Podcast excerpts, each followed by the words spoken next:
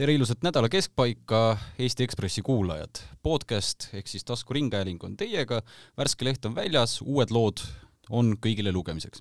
ja siin stuudios on minuga head kolleegid Urmas Jaagant ja Hannes Rumm, tervist teile! tere päevast! tere! ja mina olen Joosep Tiks ja võtame kohe esimeseks ette, Urmas on meil toonud salajase kuluaari jutud valitsusest lehte, et käinud, kuulanud, olnud kärbes seinal. räägi, kas praegune seis on siis selline, et Keskerakond tegi jube kavala plaani Karilaiu ja Jüri Ratasega ning plaan oligi neil opositsiooni lennata? noh, ei tea, kui sa küsiksid, küsid mu seda täna, kui sa küsiks homme, ma homme vastan võib-olla teistmoodi, sest et äh, kogu aeg nagu olukord muutub, aga tervikuna praegu paistab, et äh, noh, et siiski võib-olla tahetakse see valitsus nagu kokku saada, kuigi nagu selle nagu põhilise nii-öelda elevandi juurde ei ole veel jõutud. Äh, peretoetused jah? jah, just, et seda on natuke niimoodi eemalt vaadatud ja natuke selle üle arutatud, aga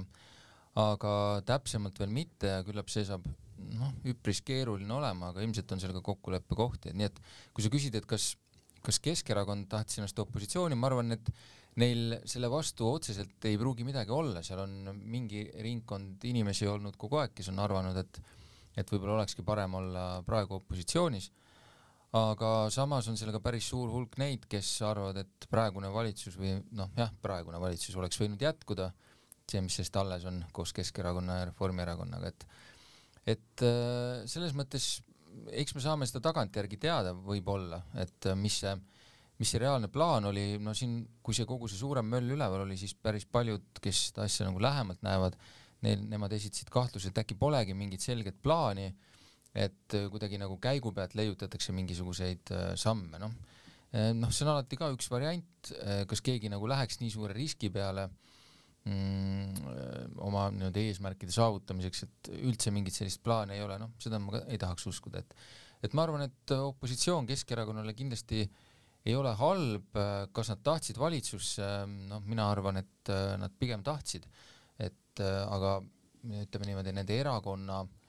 mitte nende erakonna nii-öelda mahakäimise hinnaga, mulle näib, et nende kogu selle tralli keskne eesmärk on ju ikkagi olnud see, et noh, päästa oma erakonda kõige laiemalt äh, või siis äh, veidi täpsemalt erakonna reiting ikkagi ülespoole saada, et kui kui see on tähendanud seda, et tuleb kolida opositsiooni, siis äh, mulle näib, et suhtumine olnud, et no siis nii olgu. Hannes, sa oled ka kindlasti poliitikavaatleja, et kas tundub, et praegu Isamaa, sotsid ja Reform saavad tehtud selle valitsuse või mitte? ei oska öelda selles mõttes, et, et kui valitsust lõhkuma hakati, siis selle taga oli kindlasti kolme erakonna koostöö, need olid Keskerakond, Isamaa ja EKRE, aga siis, kui esimene samm oli tehtud, kui oli tehtud ühine eelnõu, mis tähendas sisuliselt valitsuse lõppu, siis juba hakkasid huvid äh, muutuma ja kaardid erinevate parteide käes olid ka erinevad, et äh, Isamaa käes olid selgelt kõige paremad kaardid ja ongi raske öelda, mis mängu nad praegu mängivad, et äh, et äh, kas nad tahavad selle valitsuse teha Reformierakonna ja sotsidega või mitte, seda näitab ainult aeg. Omalt poolt ütlen, et et iseenesest minu jaoks ükskõik, kes selle uue valitsuse moodustab, on see täiesti süüdimatu valitsus või ütleme, süüdimatu valitsuse lõhkumine, sest et panna kokku uus valitsus kaheksaks kuuks äh, enne valimisi väga kriitilisel ajal, no see ei ole Eesti huvides, et Urmas väga see hästi enne, eelnevalt kirjeldas siin Keskerakonna huvisid, ma saan aru, et on ühel ja teisel erakonnal oma huvid, aga mina Eesti valijana, Eesti kodanikuna eeldaksin ikkagi poliitikult, et, et nad kõigepealt jälgiksid Eesti huve ja siis alles oma parteide huve. aga see, mis on siin viimasel kuul ajal toimunud, on ilmselgelt nagu selline parteiline, parteiline äh, punktide noolimine ja minu meelest siiski Eesti maksumaksja maksab poliitikutele palka mitte selle eest, et nad kriise tekitaksid, vaid selle eest, et nad neid kriise ära hoiaksid ma siin üks nädal juhtkirjas kirjutasin ka, et no võib-olla natukene oli keel põses seda kirjutades, aga ikkagi, et võiks teha erakorralised valimised ära, et praegu on erakonnad, kes lähevad väga vanade programmidega äh, uut koalitsiooni moodustama, nõuavad neid asju, mis neli aastat tagasi võib-olla olid aktuaalsed, aga praegusel hetkel no peretoetused või aktsiisilangetus või sellised küsimused, mis võib-olla muutunud olukorras vajaksid valijatelt muutunud mandaati. No, no võib-olla vajaks, aga selles mõttes, kui meil on neljaks aastaks antud, ega, ega keegi ju ei eelda ka tegelikult, et et äh, need programmid, mida valimisteks esitatakse, et need nagu nii-öelda täide saavad viidud, et äh, seal on no mis asja, see on ju Isamaa ja Ratase põhisõnum alati, et vaat kui palju me oma programmi täidame. seal on lehekülgede kaupa igasuguseid analüüsimisi ja muid selliseid mõtleme ja teeme, hakkame kunagi tegema tüüpi asju, et et äh, elu ju tuleb ka peale, et äh, sellele tuleb ka vastavalt reageerida ja ja ma selles mõttes ei pea seda vist väga suureks probleemiks, et, et äh, et justkui neil mandaati ei oleks, et meil siin juba mitmendat korda vahetatakse valitsust sellesama nii-öelda mandaadi sees. et noh, üks huvitav no minu arust vahepeal olukord on ikka kõvasti muutunud, et no, koroona, sõda, majanduskriis ega... vaatab ees. aga valitsus ei ole vahetanud mitte koroona pärast ega ei ole vahetanud sõja pärast, vaid valitsus on vahetanud hoopis teistel põhjustel. Porto Franco kui ja Jüri Ratase kui oleks valitsus kriisi pärast mõjud, vahetanud, siis oleks olnud loomulik, aga see, mis on tehtud, on tegelikult selline erakondlik jõudude ümbermängimine, mis ilmselgelt on olnud ühe või teise erakonna huvides, aga ei ole olnud Eesti huvides, vaid on Eestile kahjuks tulnud. Jah, no tervikuna ma olen sellega nõus, et äh, ega see on nagu head ei tee, noh, nagu ma enne seletasin seda Keskerakonna positsiooni, et, et noh, ütleme, kui sul on äh, mingisugune nii-öelda mänguväli ja, ja sa selle piires äh, pead tegema, hoidma ka oma erakonda, et, et me, et oleks vist üsna lootusetu ka erakondadelt oodata, et et äh, las läheb see meie erakond nagu põhja, aga et Eesti huvid, äh, need on nagu kõige tähtsamad. Et sellist enese alalhoiu instinkti ei saa ka eeldada, et erakonnad nagu ära kaotavad, isegi kui on mingid suured kriisid äh, või sellised olukorrad, lihtsalt mida me oleme näinud, et et need nagu võtted, mida kasutatakse, ähm, need on läinud selliseks noh, ütleme rohkem selliseks käega löövaks või rohkem selliseks, et et nojah, pärast siis uputab, aga las ta siis uputab, et, et need, need on muutunud. Ütleme, asjad, mida me näeme, me mõned aastad tagasi ei oleks ette kujutanud, et keegi selliseid võtteid kasutab. et äh, noh, esiteks, kas keegi oleks selle peale tulnud, no tõenäoliselt oleks, Riigikogus on päris mitmeid üsna nutikaid kombineerijaid, aga neid ei ole nagu kasutatud, aga ütleme noh, võib-olla ma teen vale järelduse, aga ütleme sellise EKRE tulekuga on mingisugune nii-öelda uus tööriistakast avatud äh, erakondade jaoks, kus kus äh, võib võtta selliseid vahendeid, mida, mida varem ei kasutatud lihtsalt, et kuna see tundus, et see ei ole võib-olla päris see või äkki me valijad vaatavad sellele kuidagi viltu, nüüd on nagu kõigil niisugune tunne, et keda see väga huvitab. et selline väga kitsarinnaline pragmaatilisus on tulnud, jah? Joosep, kui tohib, ma tulen tagasi sinu suurepärase juhtkirja juurde, mida sa ei kirjutanud mitte keel põses, vaid väga särtsakalt ja ägedalt ja ma arvan, et lugejad nautisid ma tänan, ma tänan.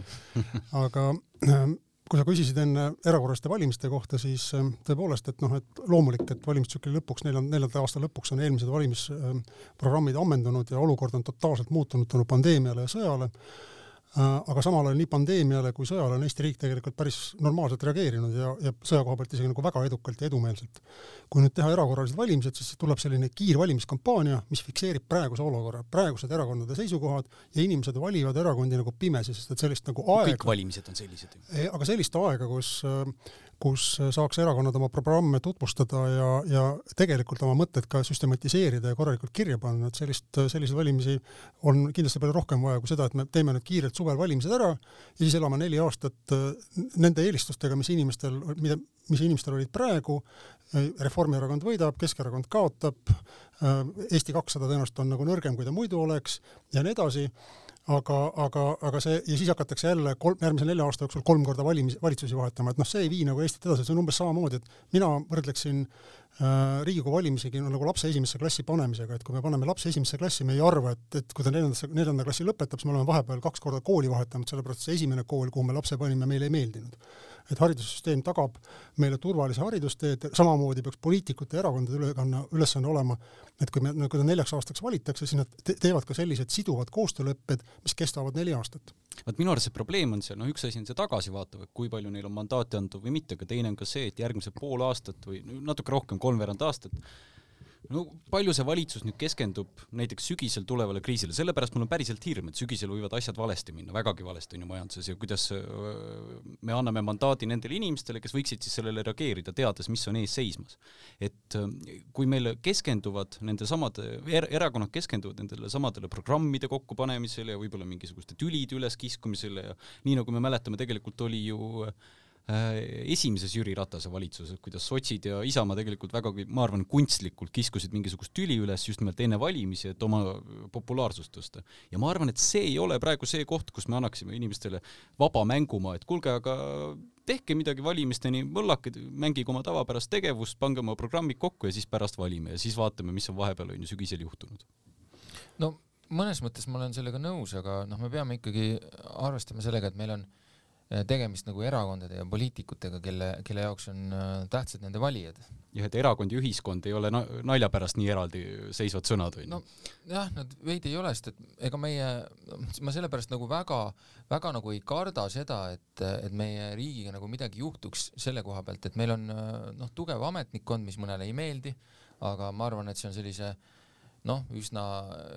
üsna sellise korraliku riigi Ehm, noh, näitaja, et ametnikkond on selline, et, et kui kas ka valitsust ei ole või siis ta on selline poolpidune või ta tahab üldse mingit teist suunda, siis see pööramine võtab piisavalt kaua ja need nii-öelda arengukavad ja projektid, mille üle me kõik tarvitseme nalja visata, eks ole, on siiski nagu sellised dokumendid, mille järgi saab, järgi saab nii-öelda riigi areng nagu edasi minna, et see, et see pööramine ei käi nii järsku aga ma siin lõppu vaidleks. siis, kui, kui valitsus äh, vahepeal natukene peas segi läheb või poliitik. no selles mõttes ma lõppu natuke vaidleks vastu, et me ju näeme praegu koalitsiooni läbirääkimistel, et kõige põletavam teema on seesama lastetoetus no ja, ja no see olukorras... ei ole te tegelikult, Joosep, siin ma arvan, et eksisid sina ja eksib nagu Eesti avalikkus, kes on, see on umbes nii nagu veeret-, visata põrandale lõngakera ja kassipoeg jookseb selle järgi. et äh, Keskerakond viskas põrandale lõngakera veerdema ja terve Eesti ühiskond jookseb sinna järgi, hakkab arutama, kas lapsetoetused on nüüd teema või ei ole. sest tegelikult ei ole, Keskerakond otsustas selle valitsuse ära lõhkuda, kui see ei oleks olnud see konkreetne eelnõu, oleks olnud mõni teine konkreetne ei, see on see, mida Isamaa ju valitsuses praegu vägagi üritab noh, läbi push ida, palju olulisemaid küsimusi ja odavamaid küsimusi ka kusjuures on, mida saaks arutada ja mille peal koalitsioon kokku panna, aga ikkagi vaadates valimistele, vaadates erakonna huvidele, vaadates valijaskonnale, pannakse lauda kõige olulisema punase küsimusena midagi, mis minu arvates ei ole kindlasti A ja O praegu. no ma arvan, see on Isamaa rahastajate kindlasti pikaaegne huvi ja teiseks on ka küsimus selles, et Isamaa tahab saada sellist ühte suurt selget asja, kui ta tekitab nüüd nagu koalitsiooniläbirääkimiste kesksest küsimusest oma, oma küsimuse koalitsiooni kes-, läbirääkimiste keskseks küsimuseks, siis nad saavad pärast kogu valimiskampaania rajada selle peale, kõik telereklaamid hakkavad tulema, kõik videoreklaamid nagu see pensionisamba värk. tulevad umbes, jaa, et meie tegime seda ja seda. noh, eks me tea, et mis juhtub, juhtub nagu alati, et kui Isamaa tegi tasuta kõrghariduse, mis viis Eesti kõrghariduse pankrotti või kui Isamaa lõhkus ära teise pensionisamba, siis nende toetusprotsent, nii nagu ta oli, kuus protsenti on ikka kuus protsenti, aga aga, aga avalik, avalik ühiskonnale mõju on selgelt tagurlik viimaseks annan äh, kaks sõna Urvasele siia lõppu, siis räägime krüptost. millal sa arvad, et valitsus kokku saab? no ma arvan, et see juhtub äh, pärast jaanipäeva millalgi, et äh, mitte, mitte väga kaugel sealt, aga mitte väga kaugel, et me ei pea jõulude peale juba vaatama, aga ma arvan, et et see, selle jaoks on nagu juba ka Lauri Läänemets, sotside juht, ütles, et erakorralisi Riigikogu istungeid ilmselt on vaja, noh, sedamoodi paistab eks see optimistlik plaan on äh, reedeks, aga mulle küll tundub, et nad äh, nii kiiresti ei jõua, et et pigem siis äh, kauem ja mulle tundub, et mida kauem, see ei pruugi olla selles mõttes halb, et siis noh, ütleme, mida kauem sellega läheb, seda raskem on sealt ka nagu välja tagurdada. et seda tõenäolisemalt taga, taga nagu kokku saab, ükskõik kui valus see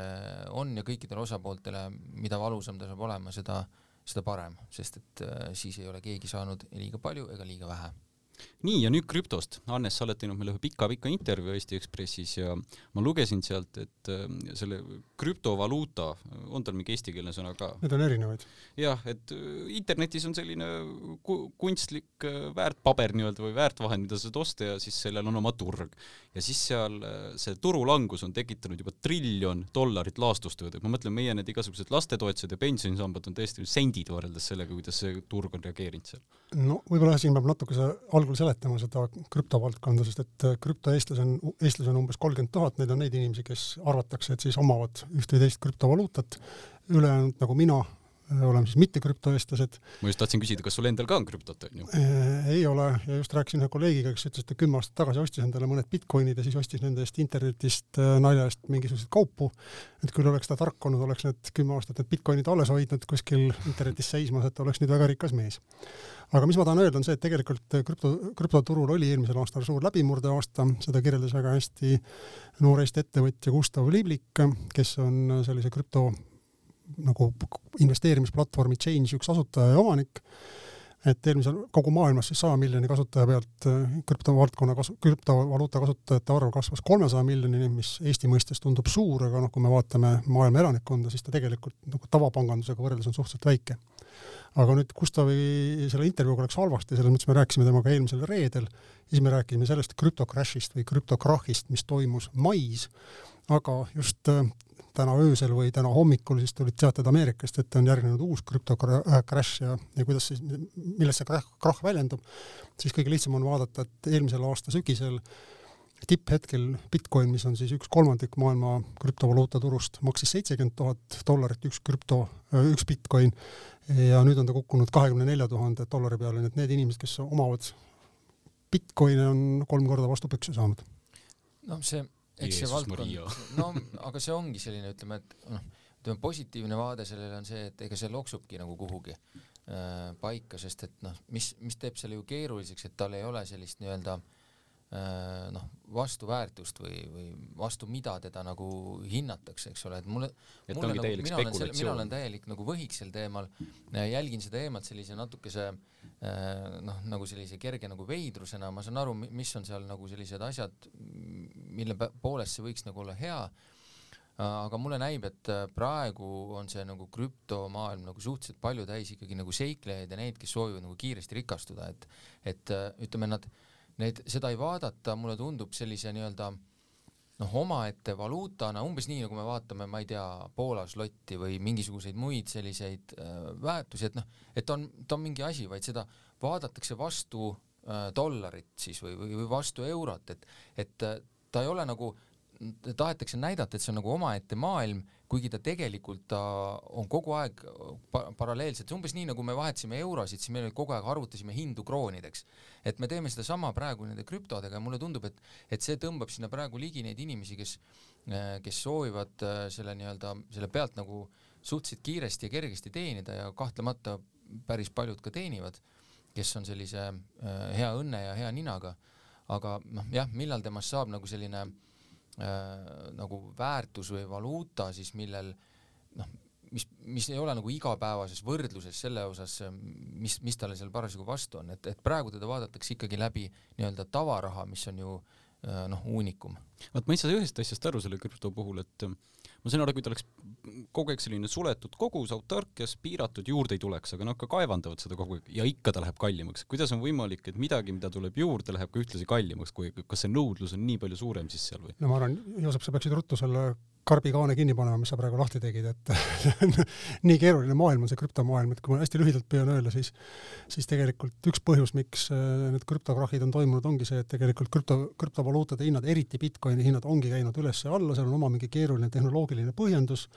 teine asi, mis seda praegu võimendab, on siis see, et üldse USA aktsiaturud on väga närvilised ja see närvilisus ja USA aktsiahindade allakukkumine võimendub eriti krüptoturul,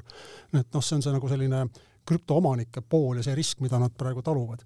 aga kui üldisemalt rääkida, siis noh, ega, ega me ei tea, eks, et mina ei oska küll öelda, et mis see krüptomaailm endast kujutab, et need, kes sellesse usuvad, lisaks Gustav Liblikule ka näiteks Sten Tamkivi, kes on ennast Eestis tõestanud väga äh,, väga tegusa äh, uute asjade, uute tehnoloogiate äratundjana, nemad usuvad, et krüptol on tohutult suur tulevik äh, ja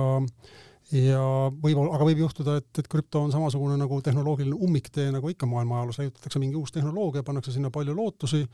ja need lootused ei täitu, et selles mõttes ma olen Urmasega nõus, et see, mis praegu toimub krüptovaldkonnas, on kindlasti, see on nagu umbes mingisugune California kullapanevik sada viiskümmend aastat tagasi, et keegi, kõik inimesed on aru saanud, kusagilt võib kulda leida, tormame sinna ja sellise tormamise käigus äh, vähem haritud inimesed kaotavad varandusi ja, ja need, kes on siis nutikamad, saavad väga rikkaks. aga aita mul lihtsal inimesel selgeks teha, et mis see mis nagu arendus või leiutis äh, selle krüpto puhul on või mis see nagu käegakatsutav väärtus on, et noh, mulle ta tundub nagu tulp, nagu mull, et in, ta tulebki lihtsalt see spekulatsiooni pealt see hind, aga ta ei anna ju midagi maailmale juurde, ta ei ole mingisugune startup või ta ei ole mingisugune öö, äh, uus arvuti või midagi sellist, et ta lihtsalt mingi värk, millele me mõtleme omaette väärtust juurde. no nüüd ma olen nüüd info vahendaja ja vabandan ette asjatundjate ees, kui ma mõne koha pealt eksin, aga et see väärtus, mis ta juurde annab, on see, et noh, näiteks nendel finantsteenustel, mida krüptomaailmas pakutakse, ei ole omanikku. et kui sa oled mõne Eesti panga klient, siis näiteks ühel hetkel pank võib otsustada, et ühte või teistsugust tehingut Joosep, Joosep Tiks teha ei tohi, et kui sa oled krüptoomanik, siis see krüpto on selline kogukond, mis üksteist üleval hoiab ja, ja sa oled ise oma, päris oma raha omanik, ise võid otsustada, millal ma mingil hetkel mingeid teenuseid teen, et venelaste see, ja pättide maailm praegu. Praegu, ei, selles mõttes sa eksid, et äh, kohe, kui äh, pärast Ukraina sõja puhkemist pandi kinni Vene oligarhide arved, siis pandi kinni ka nende krüptoarved, et väga paljud inimesed arvasid, et nüüd nad tõstavad valuuta dollarist, oma raha, eks ole, dollarist krüptosse, seda nad teha ei saanud. ja teine näide, mida jällegi on siin Eesti krüptoeestkõneleja Sten Kavi, Tamkivi välja käinud, oli see, et kohe, kui sõda puhkes, tahtis ta Ukrainat toetada ja tegi siis ühes krüptovaluutas suure ülekande kahekümne neljandal veebruaril, mis oli Eestis riigipüha, pangad olid kinni, suuri pangaülekandeid ta teha ei oleks saanud pangakontorist, aga ta sai ja Ukraina, kusjuures on ka üks väheseid Euroopa riike, mis valitsuse tasemel äh, aktsepteerib krüptotehinguid. et on veel kaks eriti edumeelset riiki maailmas, kus krüptotehingud on äh, teenusepakkujatele kohustuslikud umbes, et kui, kui äh, kui mõni inimene annab välja ajalehte või müüb ajalehte, siis nendes kahes riigis peab olema võimalik, et ma ostan näiteks Bitcoinide eest ajalehti, et need kaks riiki on El Salvador ja Kesk-Aafrika Vabariik wow. ei kõla vist muidugi väga selliste eeskujudena, mida tahaks matkida. Jaa, aga noh, eks, eks selles mõttes äh, peab nagu tunnistama, et ega ju ka see nii-öelda tavarahamaailm e, palju ei erine selle poolest, et ta püsib ju sa sarnaselt nagu usaldusel või, või usul, et kui sellesse usutakse, siis äh, siis tal on äh, mingisugune väärtus ja kui sellesse enam ei usuta, siis ei ole. Ja me näeme ka nii-öelda meie tavamaailmas seda, kuidas noh, raha või mingisugused äh, valuutad järsku kaotavad oma usalduse ja sellest tuleb nagu paksu pahandust, et et kuigi, kuigi midagi noh, okei okay,, tavaliselt midagi on ka lahti, aga, aga midagi ei, Urmas, vabandust, nüüd ma katkestan, tegelikult ikkagi tavarahaga on see, et on keskpank ja valitsus ja riik, kes vastutavad selle eest, et euro on käibel, Euroopa, Euroopa Keskpank vastutab selle eest, krüpto puhul seda keskset vastutajat ei ole ja ka Ameerikas oli just üks siis suur äh, krüptovaluuta läks, kukkus täiesti kokku ja pärast seda siis Ameerika rahandusminister Yellen läks kongressi, ütles, et noh, krüptomaailm areneb kiiresti, inimesed paigutavad sinna tohutult raha, see valdkond on täiesti reguleerimata, me peame hakkama seda kiiresti reguleerima, sest muidu noh, valitsus ei saa lihtsalt kõrvalt vaadata või riik ei saa lihtsalt kõrvalt vaadata, et keegi ei vastuta ja inimesed heauskselt panevad oma raha sinna sisse ja vaatavad terveid varandusi. nii, aga teeks ühe uue teemaringi. meil on krüptost räägitud ja järgmisena, mäletate kõik oli vist kuu aega tagasi või oli see kaks kuud tagasi juba, kui seal ähm, Vene saatkonna ees olid äh, neiud, ma ei mäleta, palju neid oli, ja neil olid äh, verised aluspüksid. ja see oli siis äh, selline protestiaktsioon kunstnike poolt, kes olid just neid Butša pilte näinud. kõik need vägistamised seal Ukrainas venelaste poolt ja röövimised, tapmised, no kõik need koledad asjad siis kulmineerusid kunstiga. Ja see levis siit Eestist ka teistesse riikidesse. Ning äh, Areenis on esimest korda andnud äh, intervjuu need äh, kaks algatajat, kes selle protestiaktsiooni tegid, et Liis Lindmaa ja Liis Vares. Ja rääkisid siis esimest korda, kuidas see aktsioon teoks sai. ja vot, mis mulle jäi võib-olla nagu kummitama, ma tsiteeriksin Lindmaad, kes rääkis, et oli inimesi, kes algul pakkusid, et nad tuleksid kindlasti naiste aktsioonile, aga kui me ütlesime, mida see endast kujutab, siis oli neid, kes ütlesid, et see on natukene liig nende jaoks. Või võib-olla viskaks siia arutelu, kas see aktsioon üleüldse oli liig? keeruline öelda, et ei, ma mõnes mõttes ei arva, et, et oleks olnud, me oleme näinud äh, üsna selliseid, noh, me võime öelda, et see on nagu selline tavatu, eks ole, noh, tavaline mingisugune meeleavaldus või äh, või arvamuse väljendamine, noh, tavaliselt äh, keskendub äh, ruupori plakati ja siis äh, võib-olla mingi tantsu-lauluga. et see on nüüd nagu teistsugune, aga me oleme näinud sarnaseid asju ka nagu selliste noh, selliste sündmuste siis vastu või poolt, mis ei ole sugugi nagu nii jõhkrad nagu, nagu see, mida me seal näeme, nii et nii et noh, mina, ma olen ka neid pilte näinud ja ka mujalt maailmast neid pilte näinud, mulle tundub, et et see annab ikkagi üsna noh, sirgjooneliselt edasi seda sõnumit, mida nagu tahetakse öelda, et, et et ta peabki nagu šokeerima nagu,. jah, et ma nagu ei tunne, et see oleks äh,, oleks kuidagi nagu liig, et, et äh, mm, võib-olla see teeb natuke piltlikumaks selle, et, et no noh, eks, eks kui me oleme selles nagu nii-öelda keskkonnas, kus neid uudiseid on iga, igal pool ja igasugu erinevaid ja toimub äh, erinevaid jõhkrusi ja ma ei tea äh,, kõik, mis need erinevad ähm, noh, relvad on, mida kasutatakse, mis neist üks on jõhkram kui teine, eks. et noh, eks see harjumine toimub, aga kui keegi nagu näitab sulle selliselt, ähm, selliselt neid nagu kannatusi või avaldab oma sellist meelsust, et ähm, ma nagu ei leia, et see oleks liig. et, äh, et see on ikkagi hirmus kole asi. ma arvan ka, et see oli selles mõttes üks kõige tõhusamaid toetusavaldusi Eesti ja eestlaste poolt, mis on tehtud, et kindlasti on väga tänuväärne see rahaline abi ja see, see esemeline abi, mida antakse, kindlasti on hästi oluline, et sõjavahendid, mida Eesti riik on andnud, aga ilmselgelt, mida me praegu tajume veel rohkem kui siis, kui see verise aluspesu aktsioon toimus, on see, et, et tegelikult maailma tähelepanu hakkab ära väsima Ukraina sõjast ja ukrainlased ise ei jaksa seda enam üleval hoida ja väga oluline oli see, et eestlased, aga ka leedulased, kes tegid ühe väga nutika äh,, käivitasid ühe väga nutika protestide sarja, kus siis punane järv. Inimesed läks, mina mõtlen seda, kus inimesed läksid Saksa saatkonna ette ja lebasid seal nagu, nagu laibad. Mis läks samamoodi, jah, teised riigid ja teised rahvad peale ukrainlaste peavad aitama hoida tähelepanu sümpaatiat ukrainlaste vastu, nii et minul on tohutu lugupidamine selle aktsiooni tegijate vastu, et võib-olla võrdluseks ma meenutan, et mingi kümmekond aastat järjest oli oli äh, Euroopa ajakirjanduse ja maailma ajakirjanduse meelelahutajaks selline Ukraina naisterühmitus nagu Femen, nemad käisid igal pool ükskõik mille vastu protestimas, protestimine seisnes siis selles, et nad võtsid rinna pall, rinnad paljaks, rinnad olid enamasti tõesti ilusad ja suured ja siis sinna rindade ümber oli midagi, mingi loosung kirjutatud, loosungu vahetus vastavalt sellele, kus nad olid ja mida nad tegid, et tegelikult siis need Ukraina prellid ja prouad eksponeerisid iseennast ja nautisid maailma, maailma ajakirjanduse tähelepanu, et kui nüüd Eesti naised ja teiste riikide naised läksid äh, palja alakehaga ja veriste aluspükstega kusagile protestima, siis see oli nagu hoopis teisest ooperist. jah, see on nagu, siin nagu minu arust paljastub see nii-öelda äh, visuaalse pildi nagu selline mõju või võim, et, et äh, noh, kui palju, kes, kes ikka on need inimesed, kes nagu mõtlevad selle peale, et nagu mida, ma ei tea, vägistamine nagu tähendab äh, sellisena eks et kui või kõnnivad sealt Vene saatkonnast mööda ja mõtlevad, et miks nad nii teevad. no nad võivad mõelda, eks ole, ja aga inimene ei kujuta endale ette ju neid nagu detaile, eks ole, kui sul, kui sul äh, seisavad seal äh, naised, kellel on noh, tõesti nagu mingi verised reied onju, et sa hakkad mõtlema võib-olla selle asja peale natuke teistmoodi, et et minu arust on see noh, selles mõttes ikka täitsa geniaalne äh,, imelik kasutada siukest sõna, aga, aga selline äh, vahend, et see on nagu lihtne, aga väga mõjus. et äh, mul on küll raske kujutada ette kedagi, keda see ei pannud mõtlema selle peale, mida äh, see tegelikult tähendab kas ma võin siia põimida ühe teise teema veel, sest meil omaette arutelu kirjutab sinna et nüüd tänasesse või homsesse, sõltuvalt salvestusajast või kuulamisajast, Ekspressi ka Elo Liiv, kes on skulptor ja kui ma nüüd õigesti tema mõtte või arutluse edasi annan, siis ta küsib seda, kas praegu on selline võib-olla äh, monument kuskil vajalik või, või mida see monument üldse tähendab ja, ja kas äh, ühiskond on jõudnud sellesse hetke, kus võib-olla kunst peaks midagi nagu tähendama avaliku ruumi mõtestamises, et kui me räägime siin ka veristest aluspükstest, me räägime aegadest, kus äh, võib-olla ühiskonnal on rohkem sõnumit kui selline tavaline mugavustsoon, et kas see on selline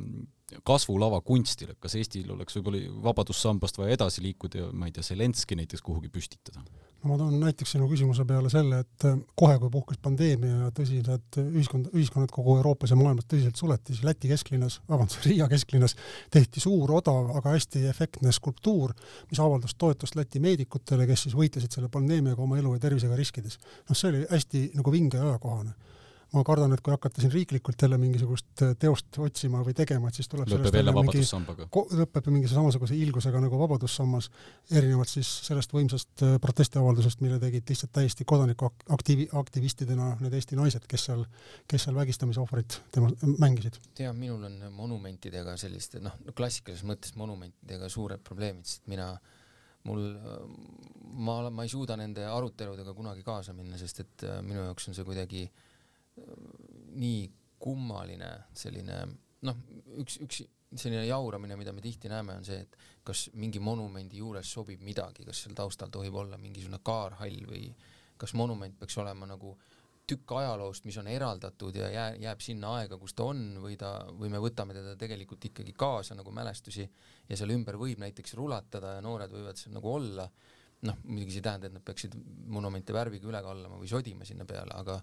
aga et kas me võtame nagu selle mälestuse kaasa või me hoiame teda konserveerituna kuskil äh, mingite ruutmeetrite peal, kus äh, noh, loodetavasti ka õhku ei vahetata selle, selle ruumi ümber, eks. et noh, see on selline minu jaoks nagu hästi keeruline teema, et, et äh, sellised nagu võib-olla, võib-olla monumendid peaksidki olema nagu ajutised mõnes mõttes et äh, uuenema alati, kui ühiskond uueneb. no näiteks selle, seesama, ma arvan, et näiteks see meedikutele pühendatud, võib-olla see monument ei jää sinna koguks ajaks, onju, aga ta on, aga tema eesmärk on see, et sellel raskel ajal ta nagu toetab või näitab seda välja, mida mida nagu ühiskond mõtleb, et me avaldame teile toetust, kui need inimesed tulevad tööle, siis nad näevad, et see monument on endiselt seal, see monumendiga me muidugi tahame, et midagi oleks vist igavesti, et noh, ütleme Lennart Meri monument peab ikkagi kõikidele põlvedele näha olema. no ta paratamatult ei ole seda kunagi ja tegelikult muidugi selline mõte on ka teostunud, et Londoni kesklinnas äh, Trafalgari väljakul on selline küll väga tõsine kunstiteos, mitte selline poliitiline või riiklik teos, kus siis nagu vahetu, vahetuvad maailma tippkunstnike tööd, äh, ma ei tea, kuidas neid sinna valitakse, tõenäoliselt mingi konkursiga, aga, aga selline vahetuv monument on olemas, et kindlasti toimib palju paremini kui mingisugune pleekinud endise Inglise kuninga või admirali, admirali mälestussammas kusagil Nelsoni kuju. no okei okay,, tema, tema muidugi võib-olla on nagu inglaste jaoks siiamaani oluline, aga enamus nendest pronkskujudest, mida me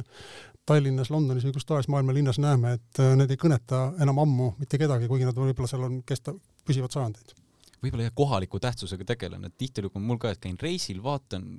häbi on ka natuke, et ma ei tea, kes see tegelane on seal monumendi otsas, et täiesti võõras nägu. jah, kunst võib olla ka tegelikult ju mingi tegevuskunst ja tingimata ei pea siis selleks, et, et ähm, kunstiliselt midagi väljendama,